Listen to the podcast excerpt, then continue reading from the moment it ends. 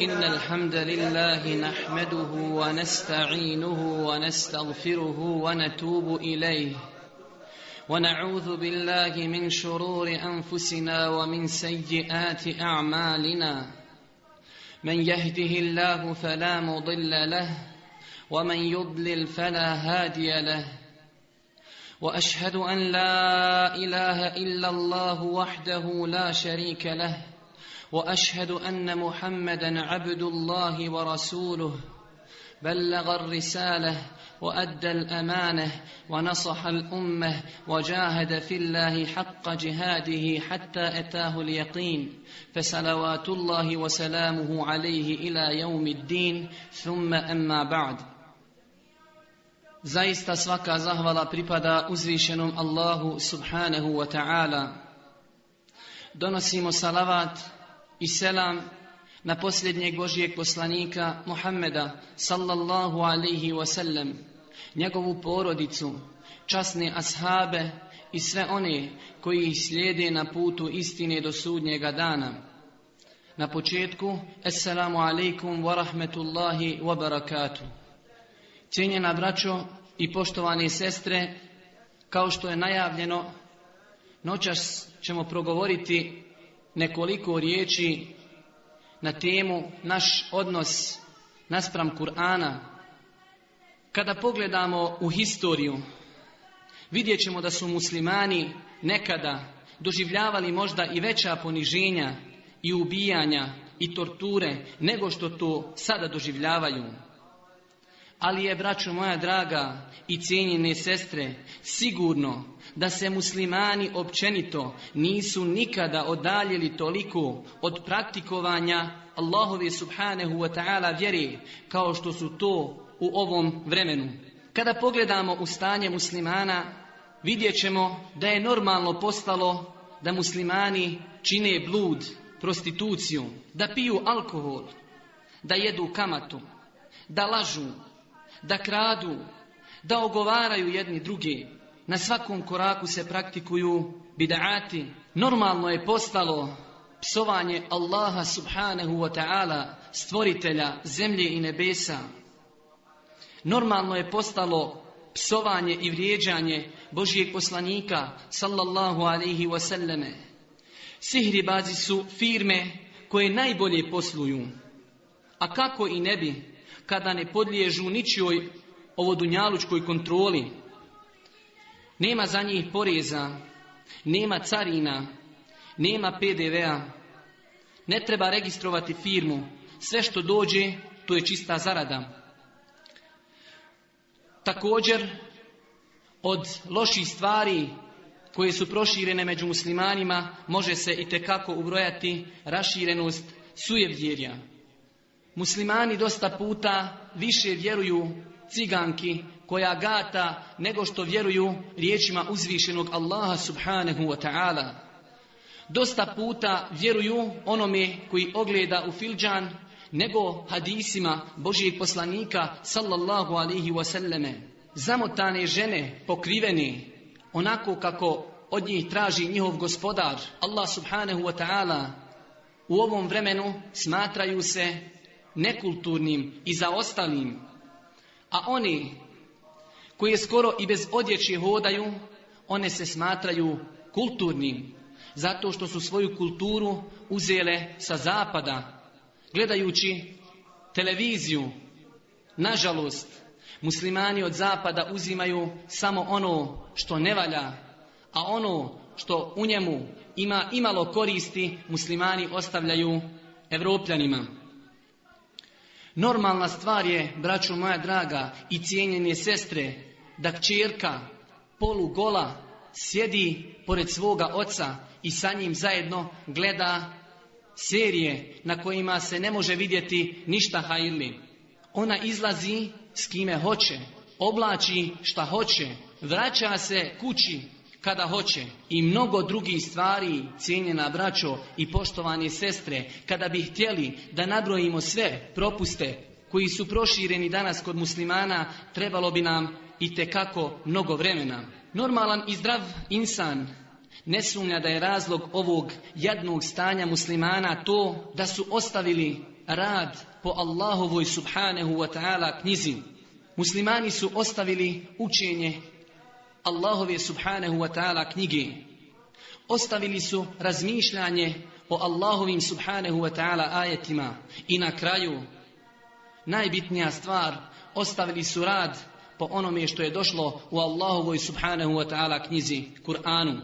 Zato ćemo mi, braćo moja draga, pokušati da spomenimo neke argumente, hadise koji ukazuju na vrijednost učenja Kur'ana, ne bi li to bio razlog da se vratimo Allahovoj subhanahu wa ta'ala knjizi. Također, spomenut ćemo nekoliko primjera iz života prvih generacija da vidimo kako su prve generacije živjele sa Kur'anom u svakodnevnom svome životu. Kur'an je bio njihova vodilja. I na kraju, ako ostane vremena za to, spomenut ćemo neke ajete koje da muslimani makar ponekad uzmu Kur'an, naišli bi na te ajete, a potrebni su im u svakodnevnom njihovom životu. Prije nego što počnemo da spominjemo hadise koji ukazuju na vrijednost učenja Kur'ana, želim da postavim sebi i vama jedno pitanje. A to je, cijenjena braćo, I poštovani sestre, da li smo ikada razmišljali o veličini Allahove subhanehu ve ta'ala blagodati prema čovječanstvu i prema muslimanima posebno? A to je da je Allah subhanehu ve ta'ala objavio govor koji ljudska srca mogu podnijeti i koji će ostati nepromjenjen do sudnjega dana. Ovaj govor zbog uzvišenosti onoga koji ga je kazao kada bi se objavio brdu, ono bi se od strahopoštovanja prema Allahu smrvilo. Poslušajte ovu rečenicu drugi put. Ovaj govor zbog uzvišenosti onoga koji ga je rekao kada bi se objavio brdu, ono bi se od strahopoštovanja prema Allahu subhanahu wa ta'ala smrvilo. Kaže Allah subhanahu wa ta'ala, أعوذ بالله من الشيطان الرجيم لو أنزلنا هذا القرآن على جبل لرأيته لرأيته خاشعا متصدعا من خشية الله وتلك الأمثال نضربها للناس لعلهم يتفكرون كاجي الله سبحانه وتعالى da ovaj Kur'an kakvom brdu objavimo ti bi vidio kako je strahopoštovanja puno i kako se od straha pred Allahom raspalo takve primjere navodimo ljudima da bi razmislili Braćo moja draga, jesu li naša srca tvrđa od kamena? Zato jer ne osjećaju strahopoštovanje prema Allahovom subhanehu wa ta'ala govoru, prema praktikovanju onoga što je došlo u Kur'anu. Allah subhanehu wa ta'ala je taj koji je obećao da će čuvati Kur'an od bilo kakve izmjene do sudnjega dana. Kaže Allah subhanahu wa ta'ala Inna nahnu nazzalna zikra wa inna lehu lahafidhun Mi u istinu Kur'an objavljujemo i zaista ćemo mi nad njime bdjeti. Znajte, braćo moja draga i cijenjene sestre, da ono što je Allah subhanahu wa ta'ala obećao čuvati, to ne može niko izmijeniti. Zamislite, braćo moja draga, kolika je Allahova subhanahu wa ta'ala blagodat prema nama. Zamislite da drugi narodi i druge nacije imaju knjigu koja u sebi nema kontradiktornosti, koja je u originalnom obliku, koja će ostati kao takva do sudnjega dana, kako bi se samo oni ponosili time i kako bi to spominjali na svakom koraku. Oni imaju knjige koje su iskrivljene, ali opet se udaraju u prsa kako se pridržavaju toga. A mi, sljedbenici najodabranijeg poslanika Muhammeda sallallahu alaihi wasallame, sljedbenici najodabranijeg govora Allaha subhanahu wa ta'ala Kur'ana, stidimo se što smo vjernici, stidimo se što smo muslimani. Allah subhanahu wa ta'ala je izazvao čovječanstvo I taj izazov ostaje do sudnjega dana da načinu samo jednu suru kao što su kuranske sure, ali cijelo čovječanstvo je iznemoglo i nije moglo. Nakon što je Allah subhanahu wa ta'ala izazvao čovječanstvo pa zatražio da dođu sa Kur'anom sličnim ovom Kur'anu pa nisu mogli. Pa je Allah subhanahu wa ta'ala taj izazov olakšao pa im je rekao dođite sa deset sura sličnih Kur'anskim pa nisu mogli. Pa je Allah subhanahu wa ta'ala na kraju zatražio da dođu sa jednom surom pa nisu mogli. Poslušajte govor uzvišenog stvoritelja. أعوذ بالله من الشيطان الرجيم وإن كنتم في ريب مما نزلنا على عبدنا فأتوا بسورة فأتوا بسورة من مثله وادعوا شهداءكم من دون الله إن كنتم صادقين فإن لم تفعلوا ولن تفعلوا فاتقوا النار التي وقودها الناس والحجارة أعدت للكافرين كاجي الله سبحانه وتعالى A ako sumnjate u ono što objavljujemo robu svome, načinite vi jednu suru sličnu objavljenim njemu, a pozovite i božanstva vaša, osim Allaha, ako istinu govorite. Pa ako ne učinite, a nećete učiniti, onda se čuvajte vatri čije će gorivo ljudi i kamenje biti. Nakon ovog kraćeg uvoda, cijenjena braćo i poštovani sestre, spomenut ćemo nekoliko hadisa o vrijednosti učenja Kur'ana. Dobro otvorite svoje uši da čujete govor Božijeg poslanika sallallahu alaihi wasallame koji podstiče na učenje Kur'ana. Da nema o vrijednosti učenja Kur'ana ništa više sem hadis Abdullaha ibn Mes'uda radijallahu ta'ala anhu bio bi dovoljan. Kaže Abdullah ibn Mes'uda radijallahu ta'ala anhu rekao je Boži poslanik sallallahu alaihi wasallame ko prouči harf slovo iz Allahove subhanahu wa ta'ala knjige dobit će za njega dobro djelo, a dobra djela se desetorostruko uvećavaju. Pa kaže Boži poslanik sallallahu alaihi wa sallame, ja ne kažem elif la mim, to je jedno slovo, već kažem elif je slovo, lam je slovo, mim je slovo.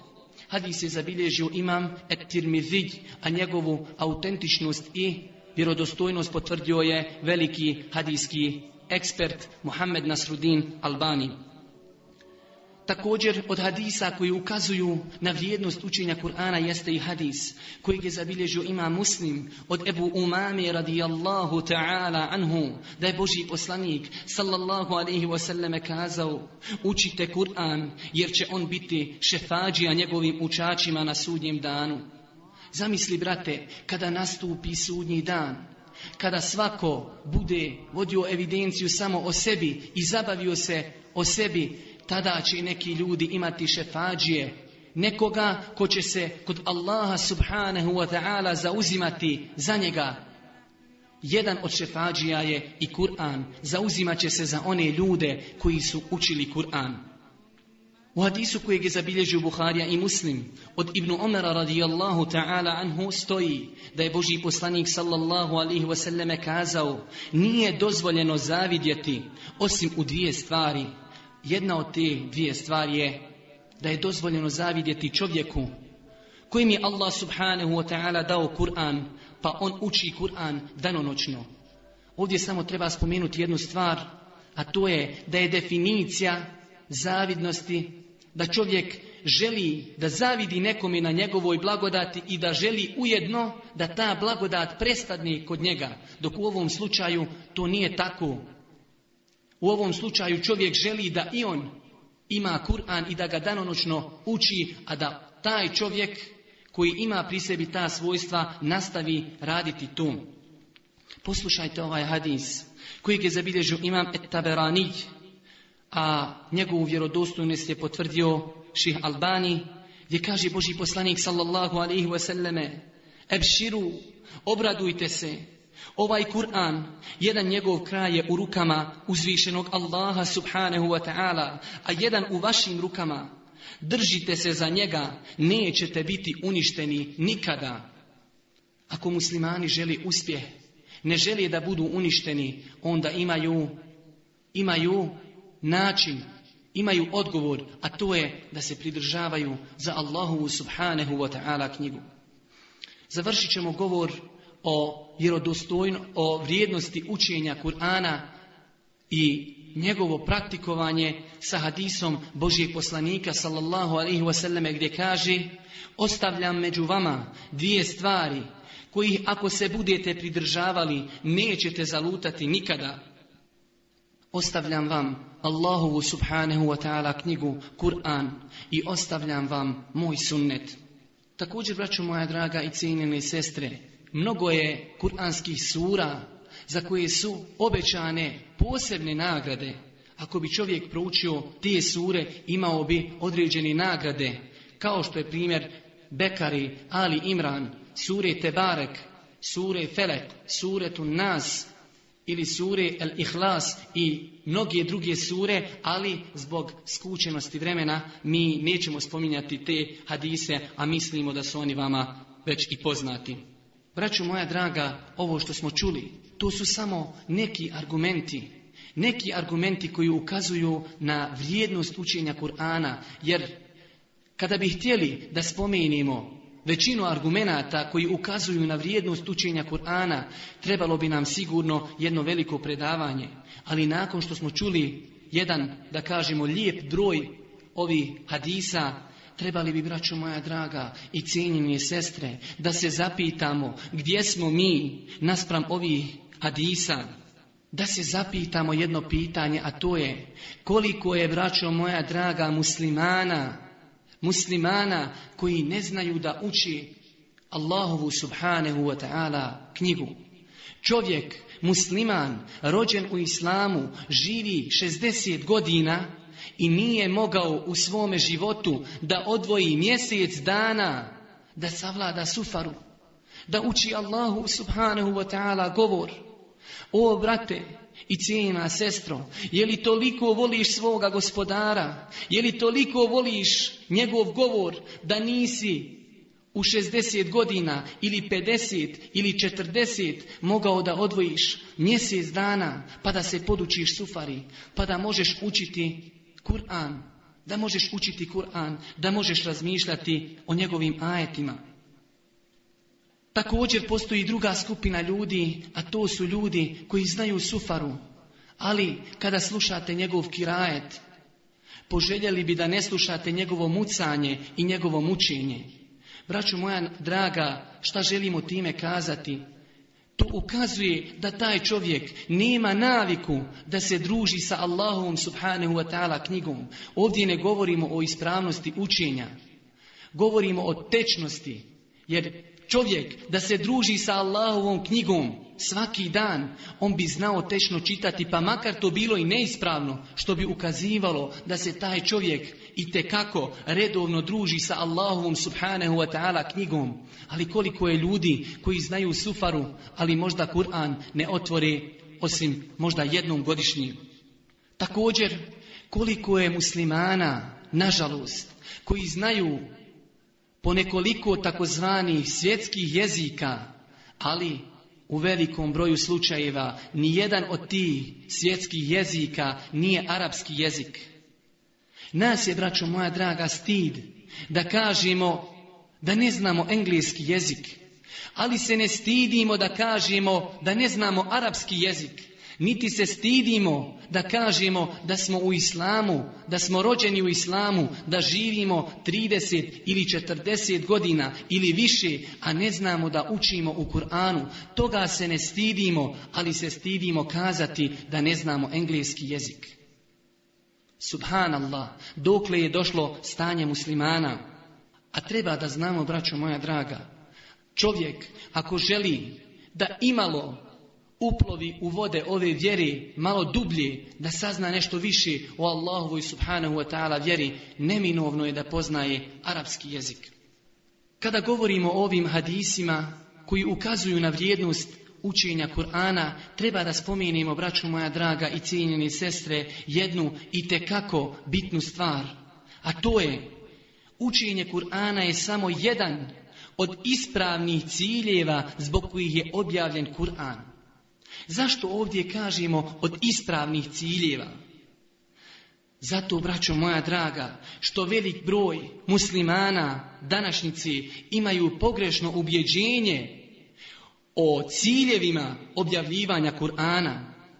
Tako, braćo moja draga, neki muslimani, nemal broj muslimana, misle da je Kur'an objavljen da bi se učio za pare mrtvima.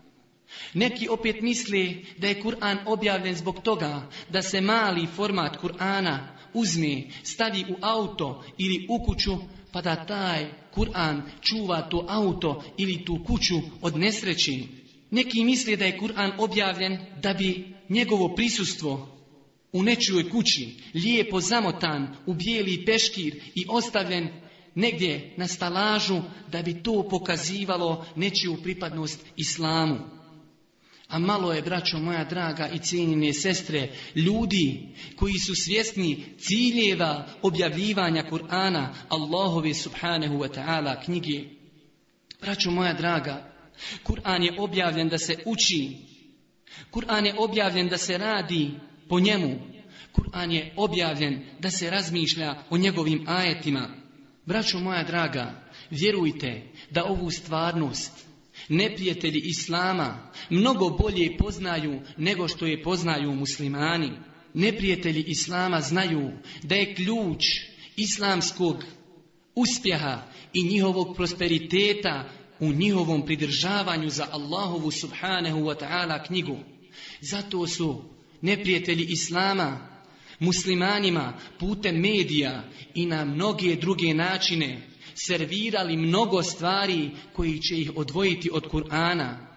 Nažalost, braćo moja draga i cijenine sestre, muzika je koja je u osnovi po islamu zabranjena, zauzela u srcima muslimana mjesto Kur'ana. Muzika je zauzela u srcima muslimana mjesto Kur'ana i nažalost, nažalost, muslimani, moram tako da ih nazovem, bjednici, dosta puta slušaju pjesme i muziku pjevačica koje su možda i ne možda, već sigurno svojim pjesmama nekada podsticale agresorske vojnike da ubijaju muslimane. A danas muslimani su spali na tako nizak nivo da slušaju muziku i pjesme ti pjevačica. Braćo moja draga, stanje kod muslimana je takvo da dosta puta više vjeruju informacijama koje čuju na TV-u nego što vjeruju kuranskim ajetima, više nego što vjeruju Božijem poslaniku sallallahu alaihi wasallam. Musliman čovjek ne može da zamisli dan, a da ne presluša dnevnik. Čovjek muslima ne može da zamisli dan, a da ne presluša dnevnik. Ali može, ali može da zamisli, može da zamisli dan, a da ne otvori Allahovu subhanahu wa ta'ala knjigu. Zadnje što smo kazali jeste to da dosta muslimana, nažalost, ima koji ne mogu zamisliti dan da ne pregledaju dnevnik, da neko ne pomisli da zagovaramo to da ne treba gledati dnevnik, čovjek, musliman, treba da bude informisan, da zna šta se dešava oko njega. Ali, braćo moja draga, kako god čovjek, musliman, ne može da dozvoli da propusti gledanje dnevnika ili nekih drugih stvari, ne bi smio da dopusti da prođe jedan dan, a da ne otvori Allahu subhanahu wa ta'ala knjigu i da se druži sa njom da prouči nekoliko ajeta, da malo razmisli o onome što je proučio. Zato, braću moja draga i cijene sestre, ovakav hal i, vaka, i ovakva situacija bila je razlogom da su muslimani postali najslabi umet na svijetu. Njihova krv je postala daleko najeftinija i najbezvrednija. Zato što su muslimani ostavili izvor. Ostavili su izvor svoje slave i veličine. Kaže Allah subhanahu wa ta'ala, لقد أنزلنا إليكم كتابا فيه ذكركم أفلا تعقلون Poslušaj, brate i cijena sestro, samo ovaj ajet koji muslimani da samo pročitaju bio bi im dovoljan. Kaže Allah subhanahu wa ta'ala, mi vam knjigu objavljujemo u kojoj je slava vaša Pa zašto se ne opamijetite? Kada će se muslimani opamijetiti? Kada će muslimani početi da se druže sa Allahom subhanehu wa ta'ala vjerom? Kada će početi sprovoditi one propise koje poznaju? Kaže Allah Đelešanu fi i zikrukum. U toj knjizi je vaša slava. Efela taqilun. Pa zar se nećete opamijetiti? Kada će se muslimani opamijetiti? Kada će se muslimani opamijetiti? Također, kada govorimo o ciljevima objavljivanja Kur'ana, treba da spominjemo, braćo moja draga i ciljine sestre, jednu bitnu stvar, a to je da velik broj muslimana i ljudi općenito misli da je Kur'an objavljen da bi bio nametnut muslimanima, da bi im otežavao život, da bi im otežavalo njegovo sprovođenje, život Poslušajmo šta kaže Allah subhanahu wa ta'ala u prvim ajetima sure Taha. Pa kaže Allah subhanahu wa ta'ala Taha ما أنزلنا عليك القرآن لتشقى إلا تذكرة لمن يخشى تنزيلا ممن خلق الأرض والسماوات العلا كجي الله سبحانه وتعالى تاها mi ti nismo Kur'an objavili da se mučiš, već da bude pouka onome koji se boji, objavljuje ga stvoritelj zemlje i nebesa visoki. Kur'an je, braćo moja draga, zasigurno jedini program i jedina vodila koja može cijelo čovječanstvo izvesti iz tmine nereda i grijeha, iz tmina zablude na svjetlost upute. na svjetlost sklada, poštovanja, blagostanja. Poslušajmo riječi uzvišenog Allaha subhanahu wa ta'ala. Inna hadha al-Qur'ana yahdi lillati hiya aqwam wa yubashshiru al-mu'minina alladhina ya'maluna as-salihati anna lahum ajran kabira. wa anna alladhina la yu'minuna bil-akhirati a'tadna lahum 'adhaban alima kaže Allah subhanahu wa ta'ala, ovaj Kur'an vodi jedinom ispravnom putu i vjernicima koji čine dobra djela donosi radosnu vijest da ih čeka nagrada, a da smo za one koji u onaj svijet ne vjeruju bolnu patnju pripremili. Kaže Allah subhanahu wa ta'ala, لقد جاءكم من الله نور وكتاب مبين يهدي به الله من اتبع رضوانه سبل السلام ويخرجهم من الظلمات إلى النور ويخرجهم من الظلمات إلى النور بإذنه ويهديهم إلى صراط مستقيم A od Allaha vam dolazi svjetlost i knjiga jasna, kojom Allah upućuje na puteve spasa, one koji nastoje da steknu zadovoljstvo njegovo i izvodi ih po volji svojoj, istmina na svjetlo i na pravi put im ukazuje.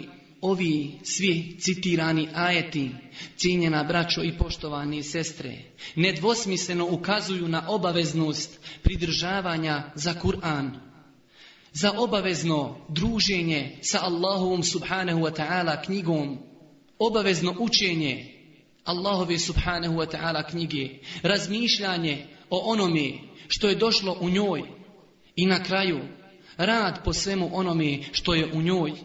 Jer, braćo moja draga, znajte, sigurno znajte da nema muslimanima napretka, niti prosperiteta, niti sreće, niti na dunjaluku, niti na ahiretu, osim ako se budu pridržavali za Allahovu subhanahu wa ta'ala knjigu. Također, od ciljeva objavljivanja Kur'ana jeste i to da ljudi razmišljaju o Allahovim subhanahu wa ta'ala ajetima. Poslušajte riječi uzvišenog Allaha. Samo kada bi mi učili Kur'an, zasigurno bi ove ajete nailazili bi na njih. Kaže Allah subhanahu wa ta'ala, أعوذ بالله من الشيطان الرجيم أفلا يتدبرون القرآن ولو كان من عند غير الله لوجدوا لوجدوا فيه اختلافا كثيرا كاجي الله سبحانه وتعالى فزاشتو أوني ne razmisle o Kur'anu da od nekog drugog, a ne od Allaha subhanahu wa ta'ala, sigurno bi u njemu našli mnogo protivriječnosti. Razmislimo malo o ovom kuranskom ajetu. Allah subhanahu wa ta'ala poziva nas da razmišljamo o Kur'anu. Šta to znači? To znači, braćo moja draga, da je Kur'an objavljen živim ljudima, a ne mrtvim ljudima. Niti je objavljen da bi bio izvor finansiranja, da se uzimaju pare za učenje Kur'ana, ovom prilikom usput možemo spomenuti jednu stvar koju možda velik broj ljudi ne zna, a to je, braćo moja draga, da Hanefijska pravna škola, koja je inače zastupljena na našim prostorima, jedna je od dvije pravne škole koje su najstrožije po pitanju uzimanja i zabranjivanja uzimanja novca kada je u pitanju učenje Kur'ana. Hanefijska pravna škola najstrožiji zabranjuje uzimanje novca za učenje Kur'ana. Normalno, možda će se neko i zapitati, poznato je da je Islam došao kao alternativa. Šta će uraditi čovjek koji želi da nekako priušti korist nekom od svojih umrli? Takvim ljudima ćemo kazati, ako si moj brate i cijena sestro već odvojio nešto novca za učenje Kur'ana, bolje ti je da taj novac dadneš nekom siromahu i da nanijetiš tu sadaku na ime tvog mrtvaca. Tako ćeš postići tri koristi. Imaćeš ti korist zbog dobročinstva prema tom mejitu. Okoristit će se i onaj siromah a to će ako Bog da koristiti i našim medjitima. Druga alternativa je, braćo moja draga, da svako od nas prouči nešto od Kur'ana, da proučimo tri puta suru Kulhu Allah i da nagradu koju očekujemo od Allaha subhanahu wa ta'ala poklonimo našim medjitu. To je također stvar koju većina islamskih učenjaka dozvoljaju. Nakon, braćo moja draga i cijenine sestre, što smo spomenuli argumente koji ukazuju na vrijednost učenja Kur'ana, ciljeve objavljivanja Kur'ana, da se vratimo u historiju, da vidimo kako su naše prethodnice, naše prve generacije živjele sa Kur'anom. Možda se neko i zapita, a zašto se toliko mi pozivamo na prve generacije? Braćo moja draga, te prve generacije su dobile preporuke, preporuke, od Allaha subhanahu wa ta'ala i njegovog poslanika sallallahu alihi wa selleme. Također, kada pogledamo u njihov život i u historiju, vidjet ćemo da su oni u jednom i te kako za istoriju, kratkom periodu, uspjeli da postanu vodiči svijeta. Uspjeli su da sruše dvije tada najveće vele sile, Rimljane i Perzijance, Je li mislite da su oni uspjeli to zato što su bili vojno jači od njih? Ne tako mi Allaha. Jedini razlog njihovog uspjeha je zato što su se pridržavali za Allahovu subhanehu wa ta'ala knjigu. Zato što je ona bila vodilja njima u njihovom svakodnevnom životu. Jeste li ikada razmišljali o jednoj stvari, a to je šta je bilo razlog da smo mi saznali za Ebu Bekra, za Omera, za Uthmana, za Aliju, za Bilala, za Suheiba, Rumija i za drugi ashabe, da i ne nabrajamo. Je li mislite da nisu primili islam i da se nisu pridržavali za Allahovu subhanu wa ta'ala knjigu da bi mi znali za njih? Sigurno bi ih historija zaobišla kao što je zaobišla i mnoge druge. Ali, braćo moja draga, Mi smo saznali za njih, zbog njihovog pridržavanja za Allahovu subhanahu wa ta'ala knjigu i zbog toga što su radili za Allahovu subhanahu wa ta'ala vjeru. Braćo moja draga, kada pogledamo pažljivo njihov život, vidjet ćemo da su oni živjeli sa Kur'anom u tuzi i u radosti. Živjeli su sa Kur'anom u kući i izvan kući. Živjeli su sa Kur'anom u ratu i u miru. Oni su gledali Kur'anom Oni su slušali Kur'anom. Oni su radili ono što se traži od njih u Kur'anu. Oni su noći provodili u izučavanju Kur'ana, a dane su provodili praktično provodeći ono što su noću učili. Poslušaj, brate, poslušaj, brate, ove riječi koje treba zlatom ispisati, riječi poslanikovog zeta, čovjeka kojim je obećan džennet u više hadisa trećeg pravednog halife Osmana radijallahu ta'ala anhu gdje kaže لَوْ طَهُرَ قُلُوبُنَا مَا شَبِعَتْ مِنْ كَلَامِ اللَّهِ da su naša srca čista ne bi se mogla zasititi Allahovog subhanahu wa ta'ala govora razmislite malo o ovom njegovom govoru da su naša srca čista ne bi se mogla zasititi Allahovog govora Braćo moja draga, naša srca se ne mogu zasititi muzike, ne mogu se zasititi televizije, ne mogu se zasititi serija, ne mogu se zasititi utakmica, ali i te kako brzo se zasite Allahovog subhanahu wa ta'ala govora. Zašto? Zato što su pocrnjela od grijeha.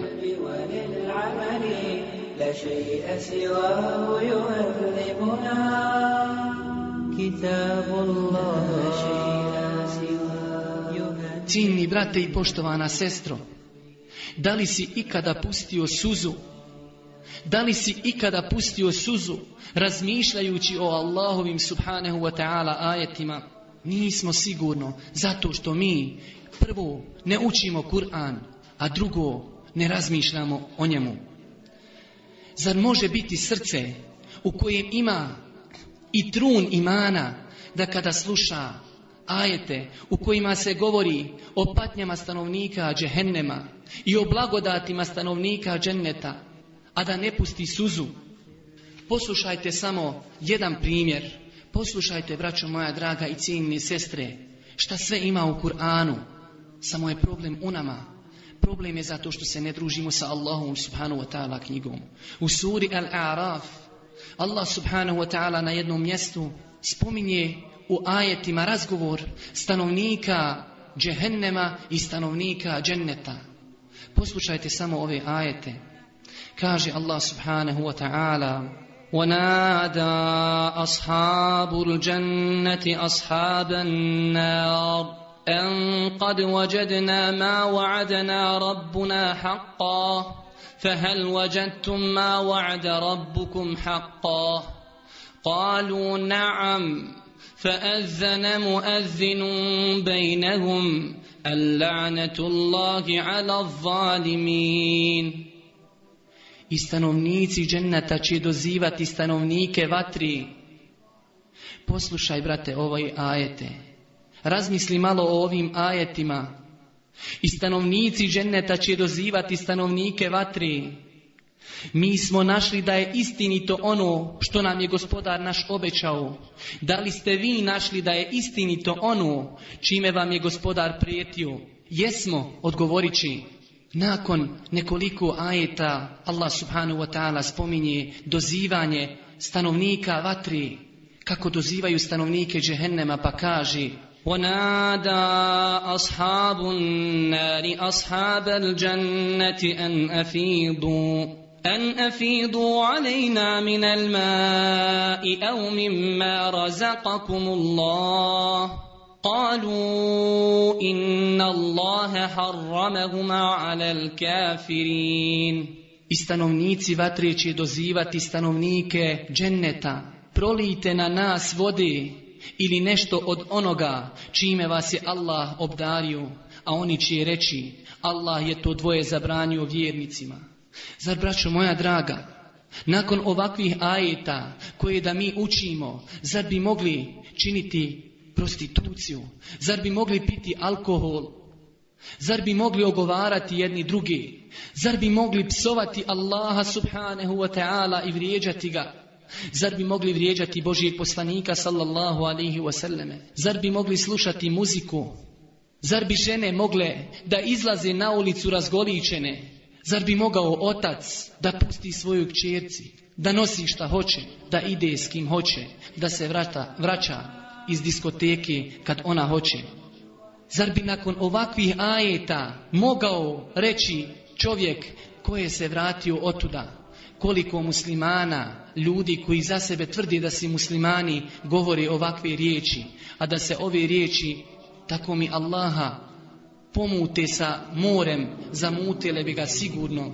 Nakon što smo spomenuli ove ajete, pokušat ćemo, braćo moja draga, da spomenimo nekoliko primjera iz života ashaba i prvih generacija, da vidimo kako su te prve generacije živjele sa Kur'anom.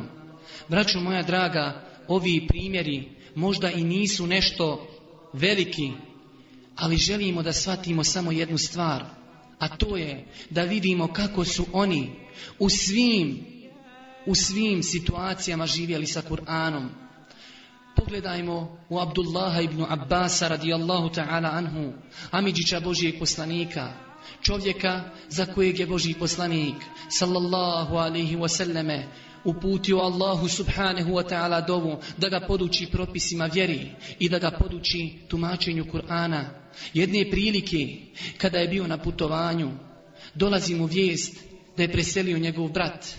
Pa šta kaže? Kaže samo, inna lillahi wa inna ilaihi rađi'un. Zaista smo mi svi Allahovi i svi ćemo se njemu vratiti. Zatim je sišao sa jahalici, klanjao dva rekiata i kazao, uradili smo onako kako nam je naređeno, pa je proučio ajet iz sure El-Baqara gdje kaže Allah subhanahu wa ta'ala وَاسْتَعِينُوا بِالصَّبْرِ وَالصَّلَاةِ وَإِنَّهَا لَكَبِيرَةٌ إِلَّا عَلَى الْخَاشِعِينَ Pomozite sebi strpljenjem i namazom, a to je zaista teško, osim poslušnim. Također, kada pogledamo u ajete u kojima Allah subhanahu wa ta'ala zabranjuje alkohol, vidjet ćemo kako su ashabi radijallahu ta'ala anhum prihvatali Allahove propise tako prenosi se da kada je Allah subhanahu wa ta'ala objavio ajete gdje kaže Ja ejuhel ladhina amenu innama l'hamru wal mejsiru wal ansabu wal azlamu ridsum min amali šeitani fajtanibuhu la'allakum tuflihun O vjernici, vino i kocka i kumiri i strelice za gatanje su odvratne stvari. Šeitanovo djelo, zato se toga klonite da biste postigli ono što želite. Jedan ashab je ušao kod grupe ashaba pa ih je zatekao da piju alkohol. Nisu znali da je Allah subhanahu wa ta'ala zabranio pa je proučio citirani ajet. Bilo je ljudi koji su podigli čašu prema svojim ustima, pa kada su čuli ovaj ajet, bacili su čašu i prosuli su ono što je bilo pred njima. Vraćo moja draga, vidite kako su ashabi, kako su oni praktikovali ono što su nalazili u Kur'anu. To je razlika između nas i njih. To je razlog što je njih Allah subhanahu wa ta'ala uzdigao toliko, a to je razlog što je nas ponizio toliko. Poslušajmo primjer imama Šafi, rahimehullah, kojeg je Allah subhanahu wa ta'ala također uzdigao. Prenosi se da je jedne prilike došao kod njega stari čovjek i kazao, mogu li postaviti pitanje? Pa mu je kazao, imam Šafija, izvoli, postavi pitanje. Pa mu je kazao, želim da me obavijestiš šta su to izvori ove naše vjerije. Pa mu je rekao imam šafija, ova naša vjera se uzima iz Kur'ana na prvom mjestu, nakon toga iz sunneta, nakon toga iz konsenzusa jednoglasnog stava islamskih učenjaka. Pa mu je rekao starac, a šta ti je dokaz za to? Da je konsenzus jednoglasan stav islamskih učenjaka dokaz u Allahovoj vjeri. Pa je ušutio imam šafija, nije imao dokaza. Pa mu je rekao starac, ostavljam ti vremena, tri dana, nakon toga ću doći po dokaz. Kažu učenici imama Šafije, nismo vidjeli šejiha imama Šafiju tri dana na predavanjima. Bio je u kući, izašao je onog momenta kada je bilo dogovoreno da se sretni sa čovjekom, starcem, kada je izašao, kazao je sljedeći riječi, A'udhu billahi mine šeitanu rađim, wa men yushatiti rasula min ba'di ma tebejene lehu l'huda, wa jette bi' gajra sabili l'mu'minine nuvallihi ma tevalla, wa nuslihi jahannam, wa sa'at masira onoga koji se suprostavi poslaniku, a poznat mu je pravi put i koji pođe putem, koji nije put vjernika, pustit ćemo da čini šta hoće i bacit ćemo ga u džehennem, a užasno je on boravište. Nakon što je otišao starac, kaže imam šafija, proučio sam Kur'an tri puta, u tri dana da bi našao odgovor ovom čovjeku. Zamisli, brate i cijenjna sestro, imam šafija. Za tri dana je proučio Kur'an tri puta. Da li smo mi u toku našeg života proučili Kur'an jednom, a ne tri puta? Poslušajte, braću moja draga, kako su prve generacije i u najtežim momentima učile Allahove subhanahu wa ta'ala ajete. Prenosi se tako od jednog velikog pobožnjaka, alima, učenjaka, koji se zvao Ebu Bekr, en Nabursi, da je doveden jedne prilike kod čovjeka koji se zvao El Mu'iz, El Fatimij, veliki nasilnik, doveden je pred njega ovaj učenjak, pa mu je kazao ovaj nasilnik, čujem o Ebu Bekre da si kazao da imaš deset strelica ili kopljadi, ti bi sa devet gađao Rimljane, a nas Fatimije bi gađao sa jednim. Pa mu kaže Ebu Bekr, nije istina. Pa je ovaj nasilnik pomislio kako je se pobojao smrti i ostavio je ono što je govorio. Pa kaže, ako nisi to kazao, šta si kazao? Kaže, rekao sam da imam deset strelica, vas Fatimije bi gađao sa devet, a jednom bi gađao Rimljane. Pa je onda naređeno da ga bićuju. Nakon tri dana mučenja i bićevanja, naređeno je da dođe čovjek i da počne da guli njegovu kožu. Došao je čovjek i počeo da guli njegovu kožu. Kada je došao do mjesta njegovog srca, probao je nožom njegovo srce, nije mogao da gleda njegovu patnju. Kaže poznati islamski učenjak, veliki muhaddis, imam Eddara Kutnić, govori o ovom događaju, plačući kaže, kada je se desilo to Ebu Bekru, nije ništa govorio osim da je učio riječi Allaha subhanahu wa ta'ala. Kane zalike fil kitabi mestura. A to sve je u knjizi zapisano sve to što se dešava određeno. Također u jednoj poznatoj bitci koja se desila kod mjesta koji se zove Eđnedin, rimljanski vojskovođa koji se zvao Kajkalan, poslao je špijuna među muslimanske vojnike kako bi snaznao nešto o njima i kako bi znao kako da se bori protiv njih. Pa kada je došao špijun, kaže ti ljudi svoje noći provode u ibadetu, provode u učenju Kur'ana, provode u namazu, a danju su opasni ratnici, opasni konjanici. Tako mi Allaha kada bi kći njihovog vladara ukrala, oni bi joj ocijekli ruku. Pa kaže vođa Rimljana, Kajkalan, ako je istina to što govoriš, Zaista je život pod zemljom bolji nego život na zemlji. Vama svima, braću moja draga, je poznato kada smo bili u ratu. U svakoj jedinici je bilo nešto što se zvalo vojna policija. Cilj te vojne policije je bio da goni ljude na liniju koji su izbjegavali.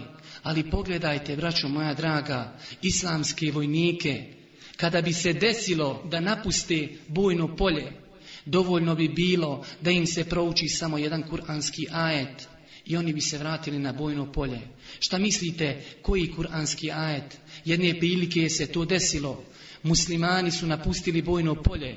Njihov vojskovođa nije tražio vojnu policiju, otišao je kod njih i proučio im riječi Allaha subhanahu wa ta'ala iz sure At-Tauba gdje kaže Allah subhanahu wa ta'ala Inna Allaha štara minal mu'minina anfusahum wa amwalahum بأن لهم الجنة يقاتلون في سبيل الله فيقتلون ويقتلون الله je od vjernika kupio živote njihove i imetke njihove u zamjenu za džennet kojim će im dati To je, braćo moja draga, bilo dovoljno proučiti muslimanskim borcima i to je bilo dovoljno da se vrate na bojno polje.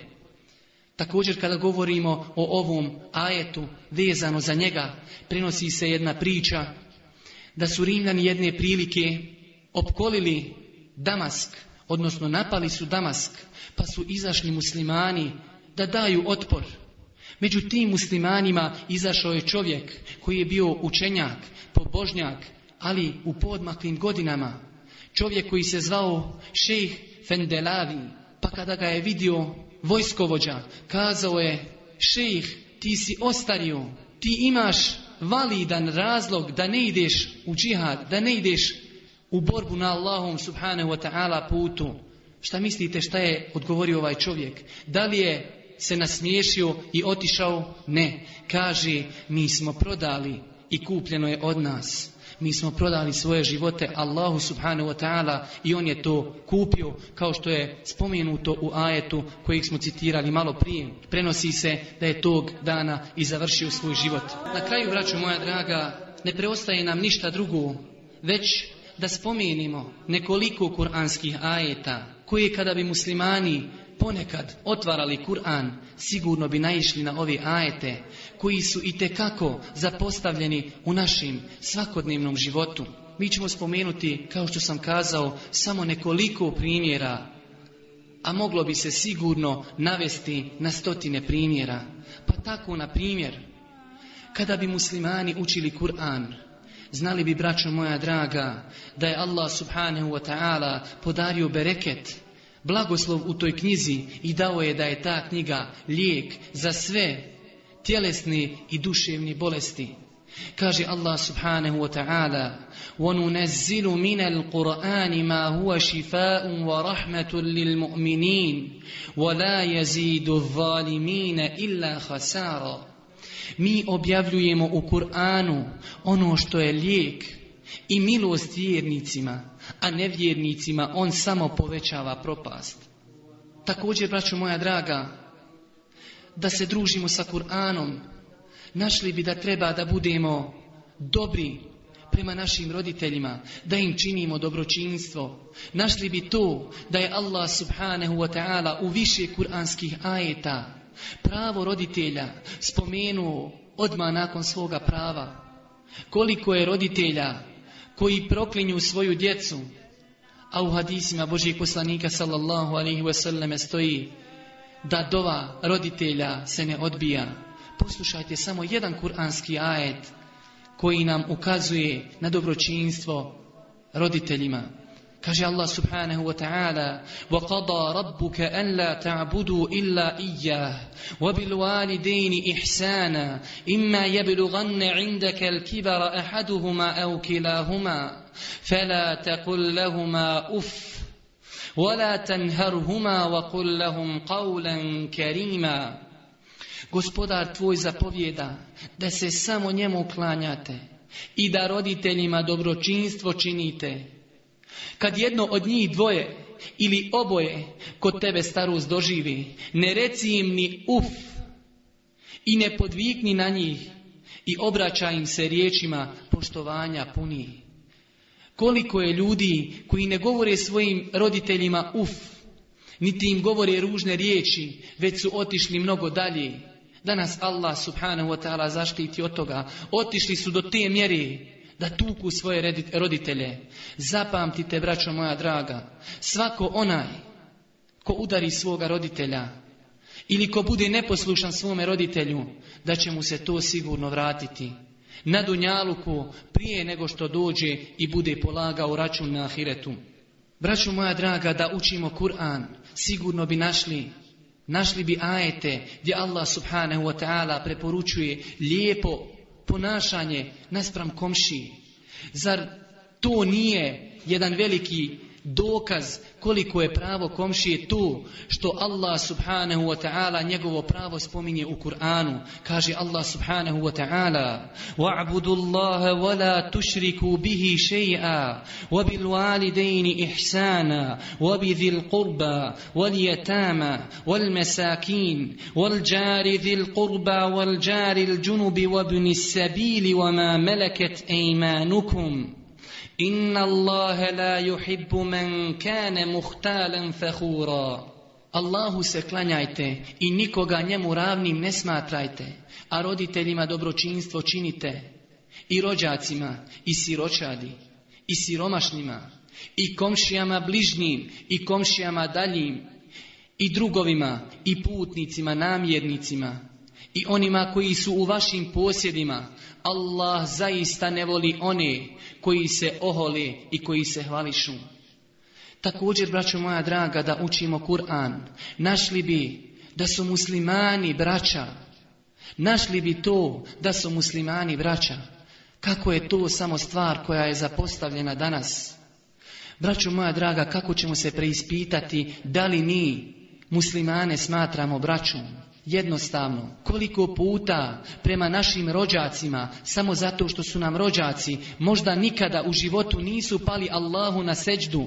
Možda svakodnevno psuju Allaha, možda svakodnevno vrijeđaju poslanika, ali kada nam dođu, mi ih ugostimo, Mi se prema njima lijepo ponašamo. Ako možemo kakvu uslugu da im učinimo, mi učinimo. A koliko je ljudi, naše braće, muslimana, koji klanjaju redovno namaz, koji obožavaju Allaha subhanahu wa ta'ala, kada ima kakvu potrebu, svi ga zaboravljaju.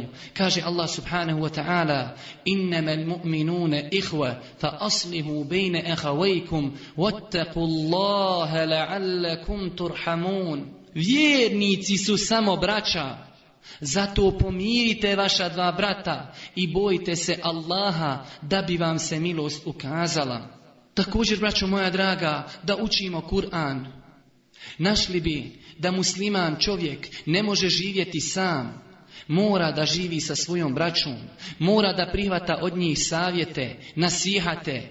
Ne može čovjek kazati ovo je moj život i ne treba niko da mi se miješa ako čovjek uradi stvar koja nije u skladu sa šerijetom, ljudi, braća muslimani koji vide da to radi, trebaju na lijep način da mu pojasni njegov propust. Kaže Allah subhanahu wa ta'ala وَالْمُؤْمِنُونَ وَالْمُؤْمِنَاتُ بَعْضُهُمْ أَوْلِيَاءُ بَعْضُ يَأْمُرُونَ بِالْمَعْرُوفِ وَيَنْهَوْنَ عَنِ الْمُنْكَرِ وَيُقِيمُونَ الصَّلَاةَ وَيُؤْتُونَ الزَّكَاةَ وَيُطِيعُونَ اللَّهَ وَرَسُولَهُ أُولَئِكَ سَيَرْحَمُهُمُ اللَّهُ إِنَّ اللَّهَ عَزِيزٌ حَكِيمٌ Kaže Allah subhanahu wa ta'ala A vjernici i vjernice su prijatelji jedni drugima traži da se čine dobra djela, a od nevaljali odvraćaju i molitvu obavljaju i zekija daju. I Allahu i poslaniku njegovu su pokorni, to su oni kojima će Allah sigurno se smilovati. Allah je doista silan i mudar. I zadnja stvar koju ćemo spomenuti, braćo moja draga, kada bi mi često otvarali Kur'an, našli bi tamo jedan ajet, koji kada bi muslimani znali i praktikovali, sigurno bi se mnogo toga u njihovom životu promijenilo. Našli bi to da je najbolji uzor kojeg možemo slijediti Boži poslanik sallallahu alihi wasallame. Boži poslanik je osoba za koju je preporuku dao Allah subhanahu wa ta'ala stvoritelj zemlje i nebesa, kaže Allah subhanahu wa ta'ala, لَقَدْ كَانَ لَكُمْ فِي رَسُولِ اللَّهِ أُسْوَةٌ حَسَنَ لِمَنْ كَانَ يَرْجُ اللَّهَ وَلِيَوْمَ الْآخِرَ وَذَكَرَ اللَّهَ كَثِيرًا Vi u Allahovom poslaniku imate divan uzor za onoga koji se nada Allahovoj milosti i nagradi na onom svijetu i koji često Allaha spominje. Vraću moja draga, Gdje je naša omladina od ovoga? Naša omladina je uzela pjevače, glumce, igrače za svoje idole, a ti ljudi, tako mi Allaha, kada bi se pogledali sa ovo dunjalučkog aspekta, ne zavređuju da budu slijeđeni. Dosta puta su to propalice, drogeraši, dosta puta su to ljudi, bludnici, nevjernici, muslimani oponašaju te ljude zapostavili su Božijeg poslanika sallallahu alihi wasallam. Na kraju molim Allaha subhanahu wa ta'ala da ovo što smo čuli bude dokaz za nas na sudnjem danu, a ne protiv nas. Molim ga subhanahu wa ta'ala da nas učvrsti u ovim teškim vremenima. Molim ga subhanahu wa ta'ala da popravi stanje muslimana. Molim ga subhanahu wa ta'ala da olakša muslimanima na svim mjestima. zemaljske kugle subhaneke Allahumma da bihamdike ešhedu en la ilaha illa ente estalfiruke wa etubu ilaike